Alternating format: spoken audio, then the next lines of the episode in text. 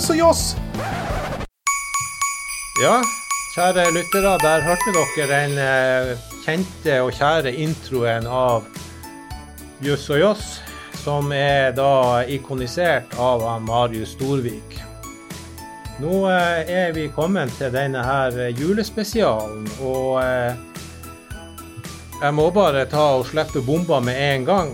Det dere hørte av Marius nå, det er det eneste dere kommer til å høre i dag. Fordi eh, han Marius er ikke her.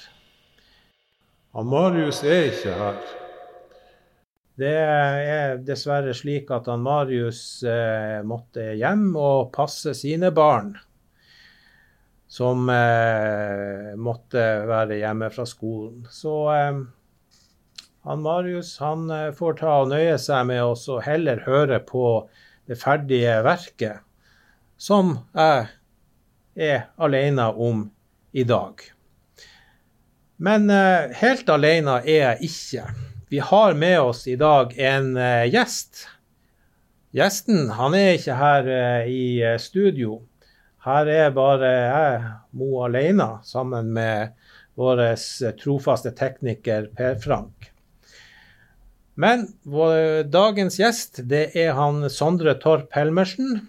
Sondre han begynte på fakultetet for ja, litt over et års tid siden. Men vi kan vel si at han Sondre har gjort eh, lynkarriere på fakultetet. Han eh, har, eh, er for tida prodekan for eh, forskning.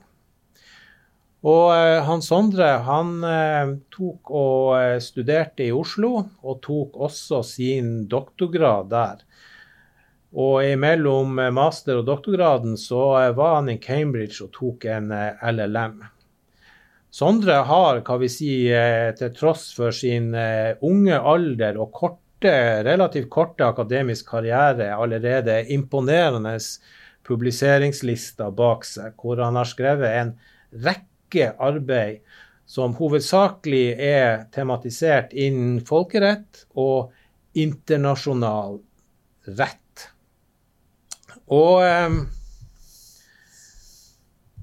Sondre i eh, din doktorgrad så eh, skrev du om uh, the application of teaching by the International Court of Justice. Og her har du en god del å svare for.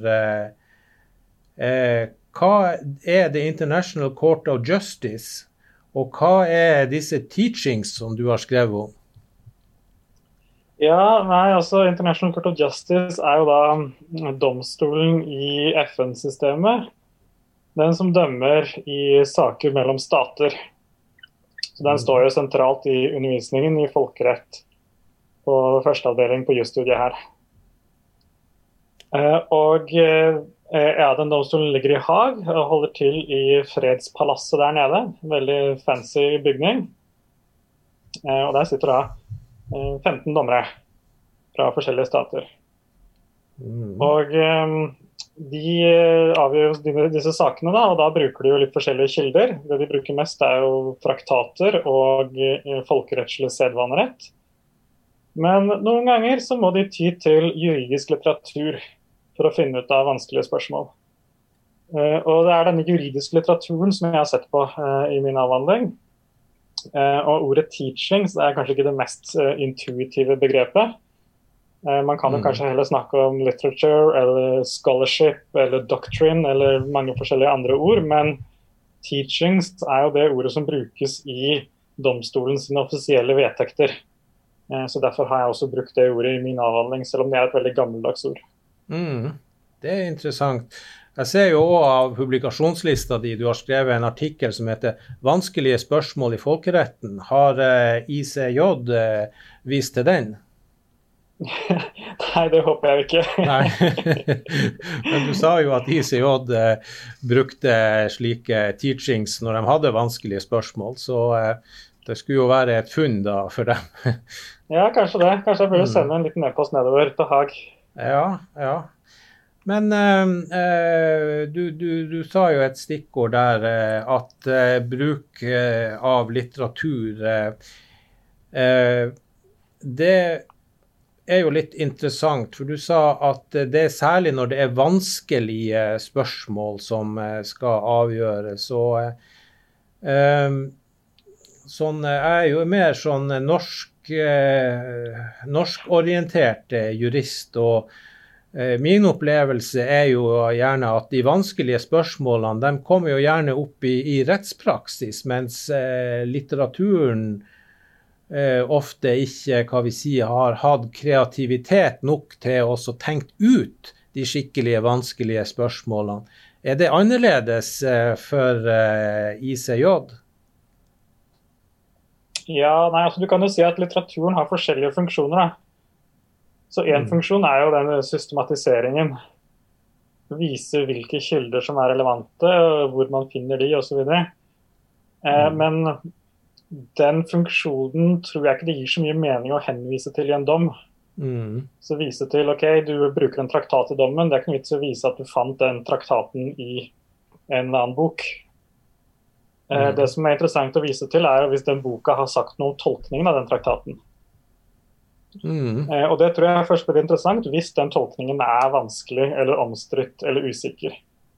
Mm. Eh, så jeg tror at dommerne i ICJ de bruker litteraturen også som oppslagsverk. Eh, men i de tilfellene så blir det ikke henvist til. Så det er umulig å spore gjennom en analyse av rettspraksis. Og min avhandling bygger på en analyse av rettspraksis. Mm. Så Derfor blir den analysen veldig sentrert rundt de vanskelige spørsmålene, og der hvor litteraturen brukes for å, for å avgjøre tvilstilfeller. Mm. Kan vi si at eh, litteraturen har en eh, annerledes eh, rettskildemessig eh, betydning eller vekt eh, for ICJ enn den ville ha hatt for den norske høyesteretten?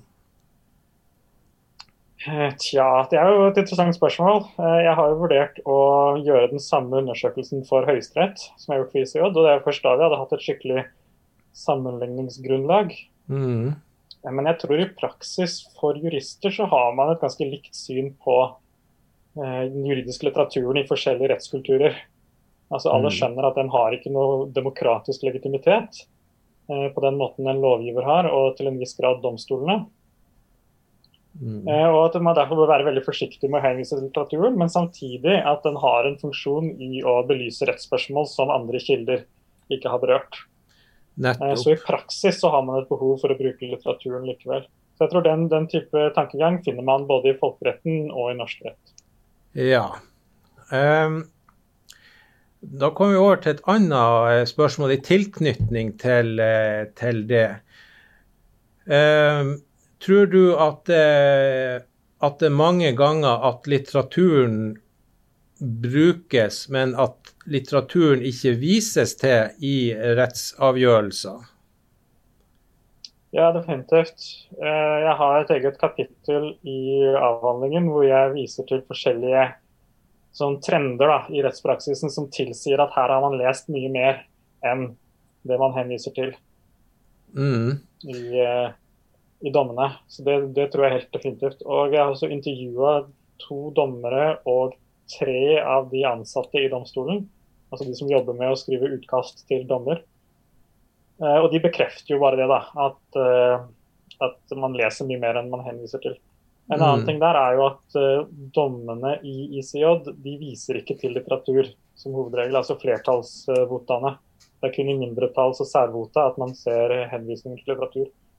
Og Det er jo rett og slett bare fordi man går gjennom og fjerner alle litteraturhenvisninger før dommen publiseres. Så Det er et helt mm. bevisst valg fra domstolen side. Ja, det, det er jo eh, veldig, veldig interessant. Eh, eh, har det Tror du at det har noe med altså, legitimiteten til, til rettsavgjørelsen i seg sjøl, eller er det andre grunner til at man fjerner litteraturhenvisninger? Ja, jeg tror det har litt forskjellige forklaringer som spiller sammen. Én eh, ting tror jeg er at man ikke at man ønsker å vise at domstolen står over litteraturen.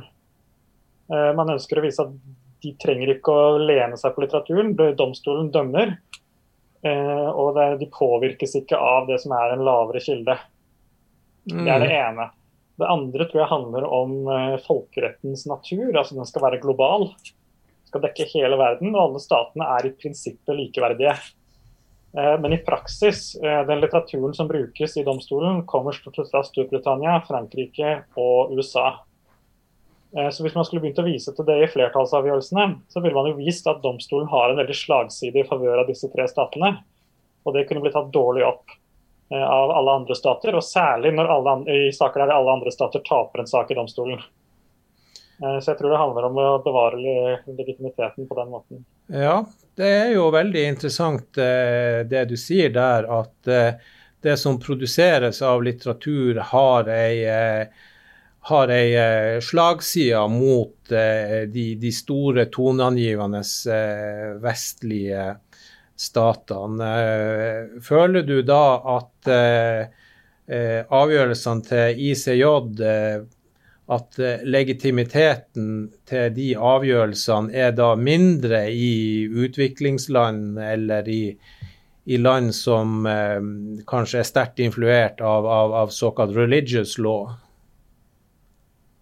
Tja, eh, det kan man jo kanskje si. Altså, jeg tror vi sier jo det er relativt gode på det å ha altså, global legitimitet. Da. Mm. Eh, de har, det, har, det har nok gått litt opp og ned denne domstolens historie. Uh, og det er noe, særlig noen dommer uh, som har vært veldig upopulære i en del, uh, i en del deler av verden. Men per i dag så ser det relativt bra ut. De har jo saker fra alle verdensdeler, stort sett. Mm. Men det er jo noen andre internasjonale domstoler som sliter mer. Da ser man jo særlig på investeringsdomstolene, altså disse voldgiftsdomstolene mm. som har investeringssaker. Som stort sett bare dømmer mot Eller altså de har bare saker mot utviklingsland. Eh, mm. hvor motparten er et selskap fra et rikt land. Eh, det har blitt veldig populært, og mange latinamerikanske land for eksempel, jo, eh, er jo sterkt imot det nå. Og så har man den internasjonale straffedomstolen, som har blitt beskyldt for å ha altfor mange saker fra Afrika. Mm. Og for få saker fra resten av verden. Mm. Den har jo også blitt utsatt for en del kritikk på den måten. Så ICJ har jo, Sammenlignet med de, så har jo ICJ klart seg bra, da. Det høres jo veldig interessant ut. En, en annen sak som vi ikke har vært, eh, vært inne på, men eh, som du har nevnt i forhold til eh, det rettskulturelle aspektet, det er jo sammensetninga av dommerne i ICJ. Hvordan eh, settes eh, dommerpanelet sammen, og eh, hvor hyppig byttes dommere ut? Ja, altså Det skal være 15 faste dommere, eh, og de fordeles på den måten at man i praksis har den samme fordelingen som statene i Sikkerhetsrådet. Eh, så Det betyr at de fem faste altså vetomedlemmene i Sikkerhetsrådet de får ett sete hver. Eh, og så fordeles det ellers mellom de regionene som finnes i FN, hvor de får samme kvote da, som, i, som i Sikkerhetsrådet. Mm. Eh, og de byttes ut hvert sjette år, er det vel? Så hver dommer. Og eh, ja, så, så, sånn gjør man det da, så man har noen valg jevnlig. Mm. Men eh, det mønsteret med å speile Sikkerhetsrådet det er ikke helt vanntett, fordi Storbritannia mistet dommeren sin mm, for et par år siden. Han tappte, han stilte til gjenvalg og tapte. Eh, Isteden fikk India inn en dommer. Eh, så da fikk jo Asia én dommer for mye, og så fikk eh, Vest-Europa én dommer for lite. Eh, ut fra Sikkerhetsrådets sammensetning. men sånn ble det, da. Mm. Ja, men det er jo interessante historier, det her. Ser man i det gjenspeiles kan, i, i enkeltavgjørelser eller i, som et mønster at man kan ha eh, rettskulturelle forskjeller i dommerpanelet. Har du noen eh, eksempler på det? Ja, det, det finnes det definitivt. Eh, altså ting er jo um, det som kalles adhoc-dommere. Altså at uh, en stat, Hvis en stat er part i en sak for domstolen og ikke har en dommer i domstolen, så får de oppnevne en dommer i den enkeltsaken. Eh, og den dommeren vil jo veldig ofte stemme i favør av den staten som oppnevnte. Uh, og mange ganger alene. altså at Det blir 15 sånn dommere som stemmer for ene, og så er det den ene dommeren som stemmer imot. og Det var den dommeren som ble oppnevnt av den staten som tapte saken. Uh, mm. så I de tilfellene så er det helt åpenbart. Men også i andre tilfeller så kan dommerne dele seg etter ganske sånn påfallende mønstre. Det så man jo bl.a. i den um, saken for et par år siden som var initiert av Marshall Islands Mm. om atomvåpen. Der så man jo helt tydelig hvilke dommere som kom fra stater som hadde atomvåpen, og motsatt. Avhengig av om de stemte for at den eh, atomvåpensaken skulle behandles av domstolen eller ikke. Mm. Så da var det sånn Kina, USA og Storbritannia på den siden, og så var det de stater uten atomvåpen på den andre. Mm. Um, du har jo eh, du har jo, hva vi sier, med denne doktorgraden og ikke minst med eh, hele din produksjon tatt også eh, vist at du eh, er en veldig internasjonalt eh, orientert eh, jurist. Hvordan, eh, hvordan ble han Sondre så interessert i internasjonale forhold? Kan vi gå tilbake til studiedagene for å finne svaret på det? Ja, kanskje. Det var jo da jeg studerte folkerett, det var jo på andreavdeling i Oslo, så syns jeg det var utrolig kult. Jeg hadde lyst til å følge opp det. Eh, og så jo for meg liksom Utenriksdepartementet da, som eh, den store arbeidsgiveren. Eh, men så før det så fikk jeg en Vitas-stilling i Oslo innenfor folkerett, og det passa veldig bra.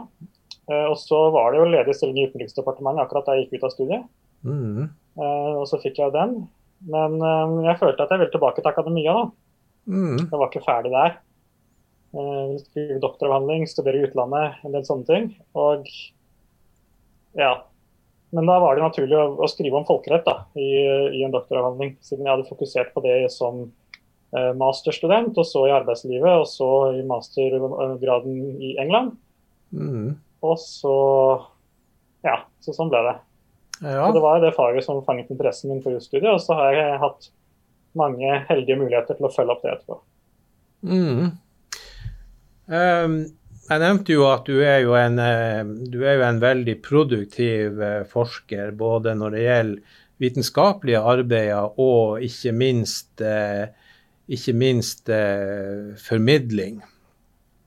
Og eh, har du noen eh, tips til, til yngre forskere om eh, om eh, hvordan, eh, hvordan de skal greie å eh, produsere mye.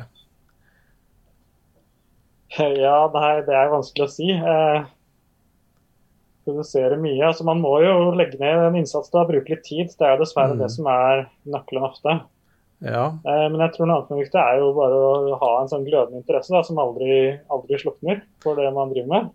Mm. Da finner man hele tida nye spørsmål å drive med, og man syns det er morsomt å, å komme videre og, og, og finne nye ting. Hvis man ikke har det, så blir det jo ganske umulig å drive med forskning, tror jeg. ja. Det tror jeg er et uh, veldig godt råd, Sondre. Det at uh, det å være forsker, det innebærer at man, uh, man har noe man brenner for og har en indre glød som gjør at man ønsker, til å, ønsker å komme til bunns og få svar på spørsmål, og ikke minst å eh, dele det man kommer frem til med et eh, fagfellesskap, og ikke minst med, med offentligheten der det tar og eh, er mulig. Og det har du gjort på, på, på alle eh, mulige nivåer, har jeg lagt merke til når jeg har studert eh, publikasjonene dine. Og jeg tenkte vi kunne ta og se litt på tre publikasjoner. Og vi begynner på det jeg tror er en vitenskapelig publikasjon. Og eh, jeg spør ganske åpent og eh, bare ut fra eh, interesse. Du har en publikasjon som heter The European Union, eh, The Import Regime of Bananas. Kan du forklare det litt? Eh, Ja. Hva er interessant med importregimet for bananer i Europa? Ja, nei, så Da skal vi til Genéve. Eh, og vi skal til Verdens handelsorganisasjon, WTO. Mm. De har en domstol som består av to nivåer. Det øverste nivået er eh, the appellate body, så ankeorganet i, eh, i WTO. Og de har avsagt ganske mange interessante dommer eh, om internasjonal handel. Eh, og En av de dommene handler da om bananer, import av bananer inn i EU.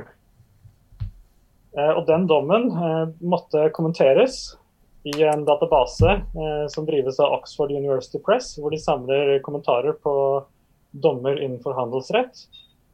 Og jeg meldte meg til å skrive den kommentaren. Mm. Ja, men, det er historien. Ja, men Det er veldig artig. Det der eh, forklarer, jo, forklarer jo alt eh, at eh, det var en konkret sak, og det var en dom. Og den måtte kommenteres for en, eh, en, en, en database og sånt. Eh. og det forklarer jo eh, at her står vi overfor et helt eh, saklig vitenskapelig arbeid og sånt. Det var mer bare min humorhjerne som tok oss og slo inn når jeg ser at noen skriver om importregime for bananer. Men eh, det eh, fikk vi nå grundig forklart, at her var det ei helt plausibel forklaring. På formidlingssida, hvor du også har vært aktiv, så, eh, så, ser jeg jo og har med stor glede faktisk tatt oss og hørt på at eh, du har eh, vært en av disse stemmene lokalt som har tatt og hatt mange innlegg og kommentarer om amerikansk politikk, sammenveving av amerikansk politikk og juss som er ganske tett, og Donald Trump. Kan du eh, ta oss og fortelle litt om, om, om din eh, bakgrunn for å eh, ta og, og, kunne si noe om amerikansk eh, politikk, juss og Trump? Ja, altså Det er jo sånn at eh, Det er jo ikke det jeg forsker på, først og fremst. Eh, men jeg forsker på altså, dommere og dommeratferd. Mm. Eh, og, og, hvordan de tenker og hvordan de forholder seg til samfunnet. Og Det har jo blitt et viktig spørsmål nå i, eh, i USA. Eh, den første forespørselen jeg fikk, handlet jo da om da det skulle utnevnes ny dommer i Høyesterett etter Ruth Gader Ginsburg. Stemmer det. Og, og hele den ja, prosessen der, da. Der skjedde det litt av hvert. Mm. Eh, og Da havna jeg på en liste med såkalte eksperter fra UiT som kunne uttale seg om valgkampen. og Der kom det jo enda flere utviklinger etter hvert, eh, som jeg da også ble bedt om å kommentere på. Mm. Du har vært eh, intervjua på NRK om de her tingene nå, stemmer det? Ja, jeg har vært på NRK Helgemorgen. Det spilles jo inn i, i Tromsø, så det er jo et lokalt opplegg. Mm. Så der kan eh, interesserte lesere ta og høre deg snakke om USA og amerikansk politikk. Eh, husker du hva dato du var på helgemorgen? Det var vel nå på lørdag forrige helg. Ja. Og så var det det. Ja, nå på lørdag forrige helg, ja. Og så var jeg der i en eller annen gang i oktober. Ja. En gang i oktober, er ja. Der, hvis man kikker. Og nå på lørdag den 5. desember. Ja, så der eh, kan de som er interessert i å høre mer av han eh, Sondre og kommentere eh, utnevnelse av amerikanske høyesterettsdommere og ellers litt betraktninger om den tette sammenvevinga av, av juss og politikk som eh, finnes i Amerika. Der kan dere ta og lære enda mer. Ja, Sondre. Eh, du har eh, flere interessante publikasjoner. Og da tenkte jeg at vi helt til slutt så skulle vi dvele litt med en av dine publikasjoner fra, fra studenttida. Jeg har lagt merke på at uh, du er registrert i Kristin, uh, hvis jeg nå så rett, uh, på en publikasjon som heter 'Kommentarutgave av kardemommeloven'. Og det syns jeg jo var interessant. For øvrig publisert i tidsskriftet Just for jusstudentene i Oslo. Kan du si litt om denne kommentarutgaven på hvor mange sider den var? Eh, det var vel én eller to sider. Akkurat. Jeg klarte vel å kommentere hvert eneste ord i den kardemommeloven. Og det er ganske mange sånne uklare tolkninger der. Har du noen eksempler på eh, uklare tolkninger av kardemommeloven? altså, Vi kan jo starte med mann. Hvem er mann her? Mm. Eh, ikke sant? Altså der, allerede der oppstår det f.eks. noen folkerettslige spørsmål da, med statens jurisdiksjon. Mm. Hvem er det egentlig man har rett til å gi lover for? Er det Kardemommebys innbyggere? Er det andre? Turister f.eks. osv. Mm. Eh, universaljurisdiksjon er jo spørsmål som har blitt forska på ved UiT. Ja. Eh, det, det dukker jo opp der. Mm. Så alt utløst av det lille ordet 'mann'. Ja, og så går det videre da, med skal ikke plage andre osv. Alle de må jo tolkes da på en eller annen måte. Mm, mm. Så plageterskelen i Kardemommeby, eh, er den i øvre eller nedre skala i forhold til tortur? Jeg har vel inntrykk av at den er ganske høy, at det tolereres litt av hvert der. Mm, mm. Men uh, ja, det, ja. det kan man diskutere sikkert. Ja. Det sies jo òg at uh, for øvrig kan man gjøre hva man, hva man vil. Uh, er det en negativ avgrensning av en alminnelig handlefrihet, eller er det en konkret norm? Altså, jeg syns det høres ut som en rettsfilosofisk nødvendighet. Mm. At hvis noe ikke er forbudt, så er det tillatt. Ja, ja. Så den kunne like godt sløyfa, mener jeg, da. Men det, det er smak og behag. Mm, mm.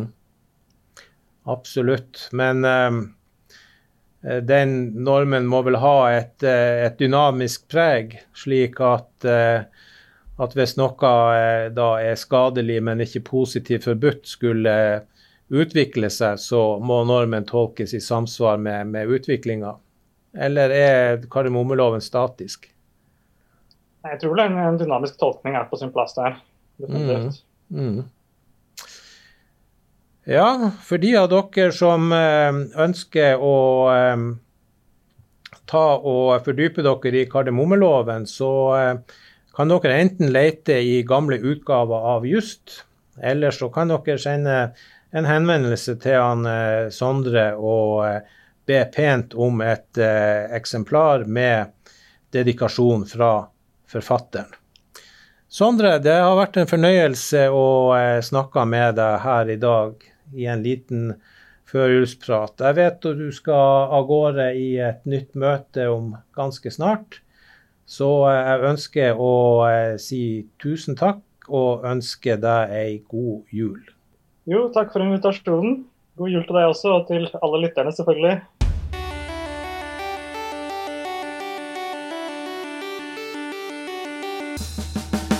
Ja, kjære lyttere, i denne her uh, litt uh, uh, improviserte og forkorta julespesialen, så har vi nå kommet fram til noe som jeg da i Juss og Joss sin korte historie har begynt å prøve å gjøre til en juletradisjon. Nemlig også se på rettsavgjørelser hvor jula står sentralt. Og denne gangen så har jeg plukka ut en uh, tingrettsdom som uh, går da på uh, siktelse og domfellelse av en kar for å motarbeide rettssystemet, herunder aktører i rettssystemet. For å lage en liten teaser som sikkert kommer til å bli mye mer spennende enn selve historien, så handler det om en høyesterettsdommer som sitter et sted på Vestlandet på julaften 2001. Hvor han sitter uh, da med familien rundt seg. Uh, bordet til julemiddagen er dekka, og det er like, like før at familien skal sette seg til bords og nyte en nydelig julemiddag. Og kjenne julefreda sige inn på. Men da ringer det på døra. Og etter det så får denne høyesterettsdommeren oppleve en julaften helt utenom det vanlige. Jeg har eh, da tatt og eh, eh, skrevet ut denne julehistorien. Og eh, den begynner som så. At eh, høyesterettsdommer B, vi må kalle han B siden vi skal være anonym, han var i 1993 konstituert sorenskriver ved Jæren sorenskriverembete. 14.6.1993 administrerte han ei hovedforhandling i en sak mellom den tiltalte og hans tidligere ektefelle om forståelse av en ektepakt og om samværsrett med felles barn. Sorenskriveren tok, eh, tok initiativ til ei eh, mekling for å komme fram til et forlik i saken. Men denne meklinga som pågikk hele dagen, ble da oppgitt ut på ettermiddagen. Og eh, tre dager seinere så avsa denne høyesterettsdommeren, som da var konstituert sorenskriver, dom i saken, hvor barnas mor ble tilkjent foreldreansvaret for barna alene. Mens faren A fikk en begrensa samværsordning med dagssamvær, med unntak for sommerferie, jul og nyttårshelg. Han påanka dommen, og eh, det gikk uendelig lang tid, faktisk hele fire år, før eh, dom i lagmannsretten ble avsagt. Slik at allerede da var vi kommet eh, godt på vei mot årtusenskiftet.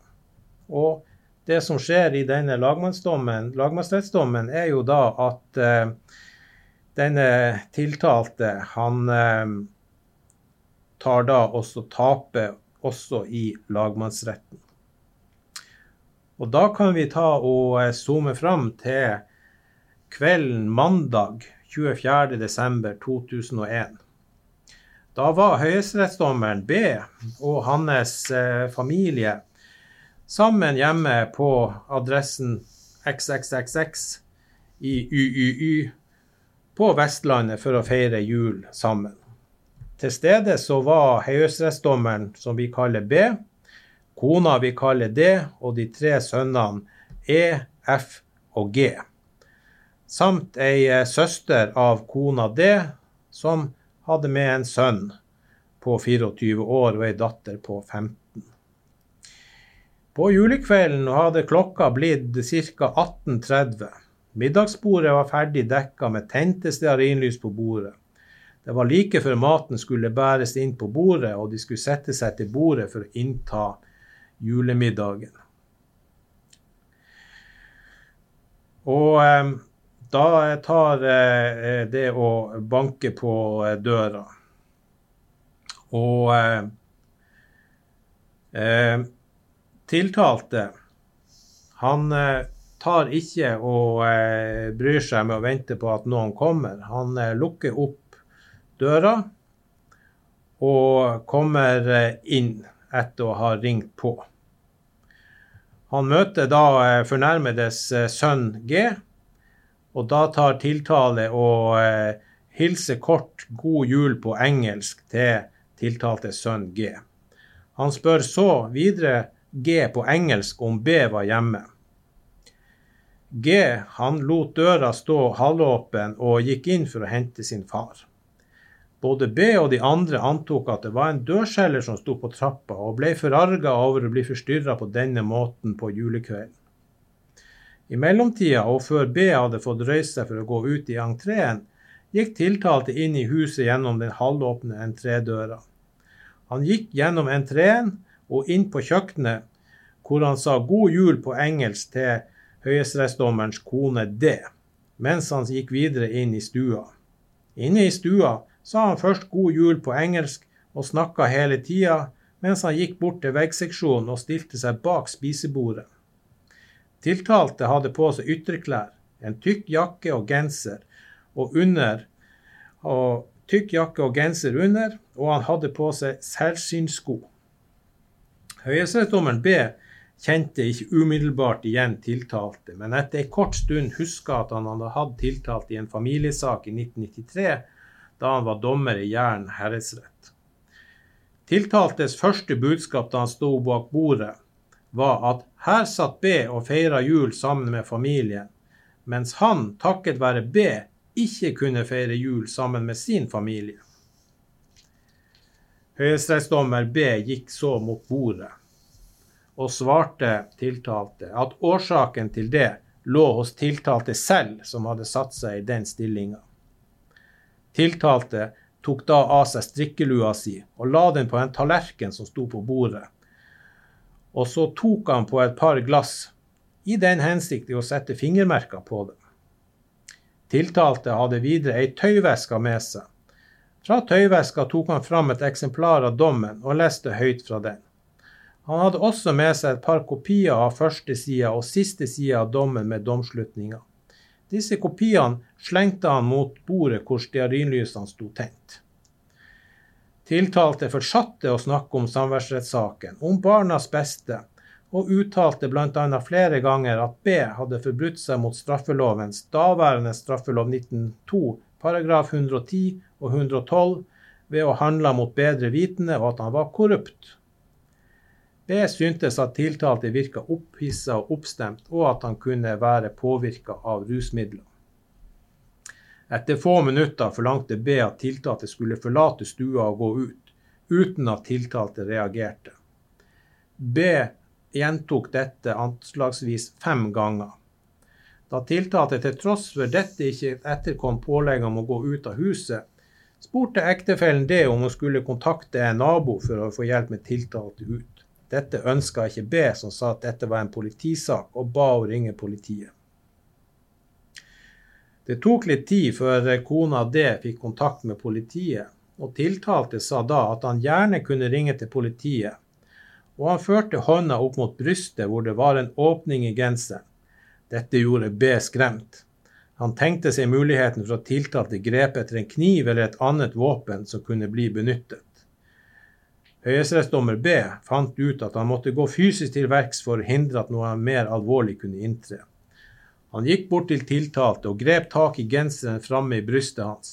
Dette grepet hindret tiltalte å få hånden sin inn i åpningen under genseren. Tiltalte førte da hånden ned mot beltet og førte hånden inn under genseren nedenfra. Da ba B sønnen E om å ta tak i armen til tiltalte. Det gjorde E, og holdt armen til tiltalte nedover langs kroppen hans. B holdt hele tiden et fast grep om tiltalte i brystet, mens tiltalte fortsatte å snakke om familiesaken og barnas beste. Jeg kjente etter på tiltalte om det var en mobiltelefon han hadde der. Da det ble brakt på det rene, slapp jeg tiltaltes arm. Tiltalte ble satt ned på en stol, mens B fortsatte å holde grepet sitt framme i brystet på tiltalte. Tiltalte fikk da ta fram mobiltelefonen sin, forsøkte å ringe politiet, men fikk ikke telefonen til å fungere. Tiltalte fortsatte da å fortsette å snakke om familiesaken og de følgene jeg hadde fått for tiltalte, og at B hadde handlet på bedre vitende, at han var korrupt og andre nedsettende utsagn. Først etter tre kvarter kom to lensmannsbetjenter for å pågripe tiltalte. Og i mellomtida hadde de andre familiemedlemmene pga. opptrinnet gått opp i annen etasje av huset. Og eh, lensmannsbetjenten, den ene av de to, eh, så at eh, tiltalte satt i ro på stolen, mens høyesterettsdommer B holdt fast i dette grepet i brystet hans. Lensmannsbetjenten ba derfor de eh, gjenværende familiemedlemmene i huset om å forlate stua og gikk mot tiltalte. Og B og sønnene F og E ble igjen. Da reiste tiltalte seg opp. Han så sint ut, greip tak i duken på spisebordet og dro kraftig i duken. Det førte til at kubbelys, middagstallerkener og glass falt i gulvet, med den følge at to glass ble knust. Tiltalte sa til lensmannsbetjenten at han ønska å bli arrestert, og at denne saken skulle komme i rettssystemet. Etter dette gikk tiltalte rolig ut av stua, geleida av lensmannsbetjentene. Utafor huset ble han påsatt håndjern og ført inn i politibilen. Der ble håndjernene tatt av han. Så kontakter betjentene vaktsjefen på Rogaland politikammer. Og der fikk faktisk lensmannsbetjenten ordre om å la tiltalte sjøl kjøre sin egen bil til politikammeret. Det etterkom lensmannsbetjenten, men var med tiltalte i bilen. Ehm, etter en time ble tiltalte løslatt. Høyesterettsdommer B fikk melding om dette fra politiet ca. klokka 21.30 men valgte ikke å si noe om det til de andre i familien.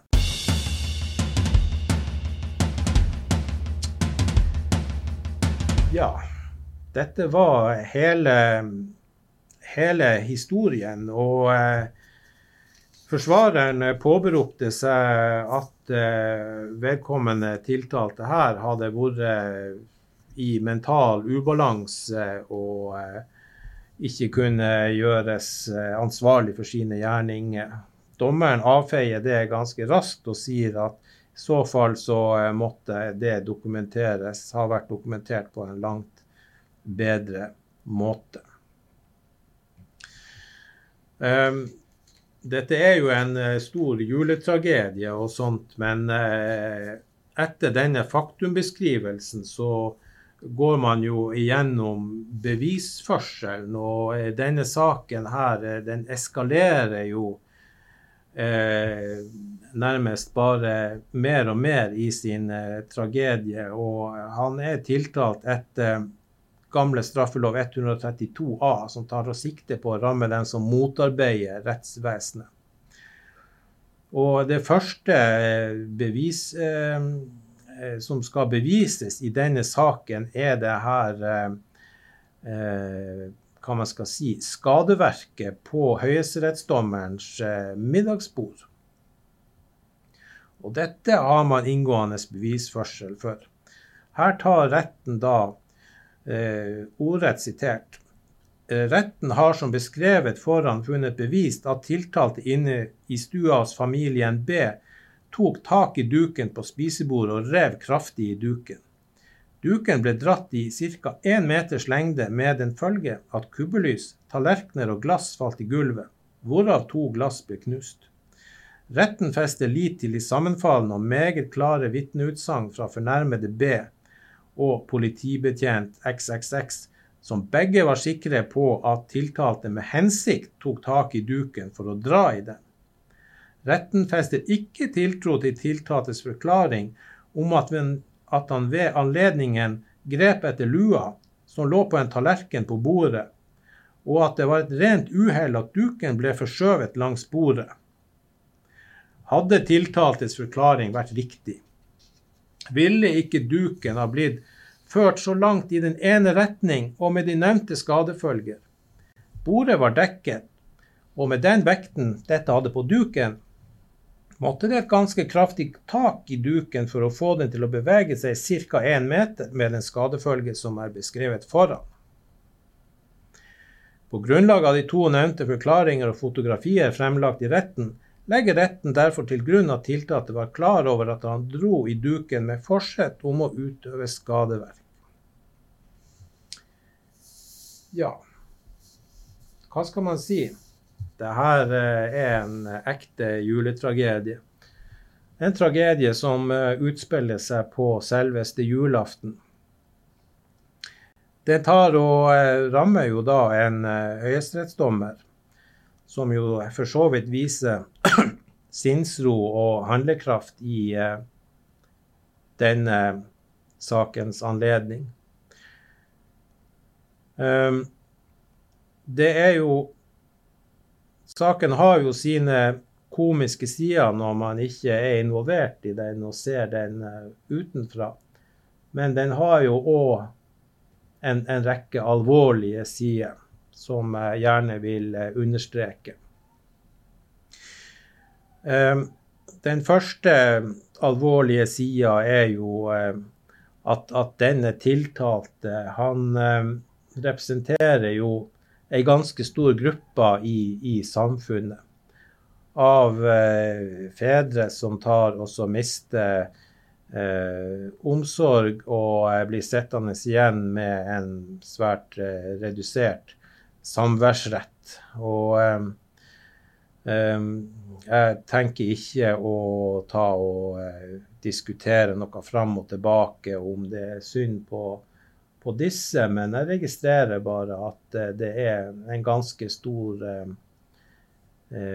gruppe mennesker som blir på en måte hva man skal si, traumatisert av eh, slike eh, reduserte samværsordninger som følge av, av, samlivsbrudd. Ofte så er det jo eh, more than meets the eye i sånne saker, eh, hvor det gjerne kunne ha vært eh, eh, familievold og slike ting som er, er bakgrunnen for at samværsretten kanskje reduseres. Et annet alvorlig aspekt er jo eh, dette med å være aktør i, eh, i, i, rettssystemet. Da tenker jeg jo da særlig på, på dommere. I eh, rettspraksis finnes det jo da eh, massevis av saker hvor dommere eh, forfølges av parter som har tapt saker, både sivile og straffesaker. og gjøres til gjenstand for veldig stor negativ oppmerksomhet. Noe som jo er et, eh, en veldig alvorlig sak eh, hvis man skulle bli dommer, som kanskje mange av dere som er studenter kommer til å bli og kommer til å oppleve. Men eh, ikke bare dommere, men også politijurister er jo særlig utsatt for eh, for forfølgelse av tidligere straffedømte. Og eh, av andre yrkesgrupper, kanskje delvis eh, ansatte, både jurister og andre i, i Nav, har eh, fått føle ting. Og for så vidt i andre statlige organisasjoner og tilsyn kan oppleve at man at man eh, får negativ oppmerksomhet eh, som følge av personer som eh, føler at saker som disse saksbehandlerne, påtalejuristene og dommerne har avgjort i deres disfavør. Og det ser jeg jo på som et eh, stort, gedigent eh, samfunnsproblem. Og det har jo da medført, eh, medført da at eh, mange dommere, jurister, har måttet leve under eh, politibeskyttelse pga. Av, trusler. Ja, så eh, med denne litt sånn eh, alvorlige avslutninga på, eh, på en sak om en julemiddag som går galt, nemlig en, nesten som en slags sånn uh, grevinnen og hovmesteren med en høyesterettsdommer i, i, hovedrollen, så håper jeg at alle nå tar og begynner å puste ut og har fått lagt fra seg sine eventuelle eksamener, masteroppgaver, semesteroppgaver og alle andre oppgaver som skal gjøres før jul, enten man nå er student eller at man er arbeidstaker. Og uh, på vegne av uh, meg og han Marius, som har stått bak Juss og Joss, og er veldig glad og ikke minst fornøyd over at vi har folk som orker å høre på oss. Så vil jeg ønske alle sammen en veldig, veldig god og fredfull jul. Og ikke minst et eh, godt nyttår, som etter prognosene bare kan bli bedre og bedre enn det foregående året som vi nå legger bak oss. Og eh, når så er sagt, god jul.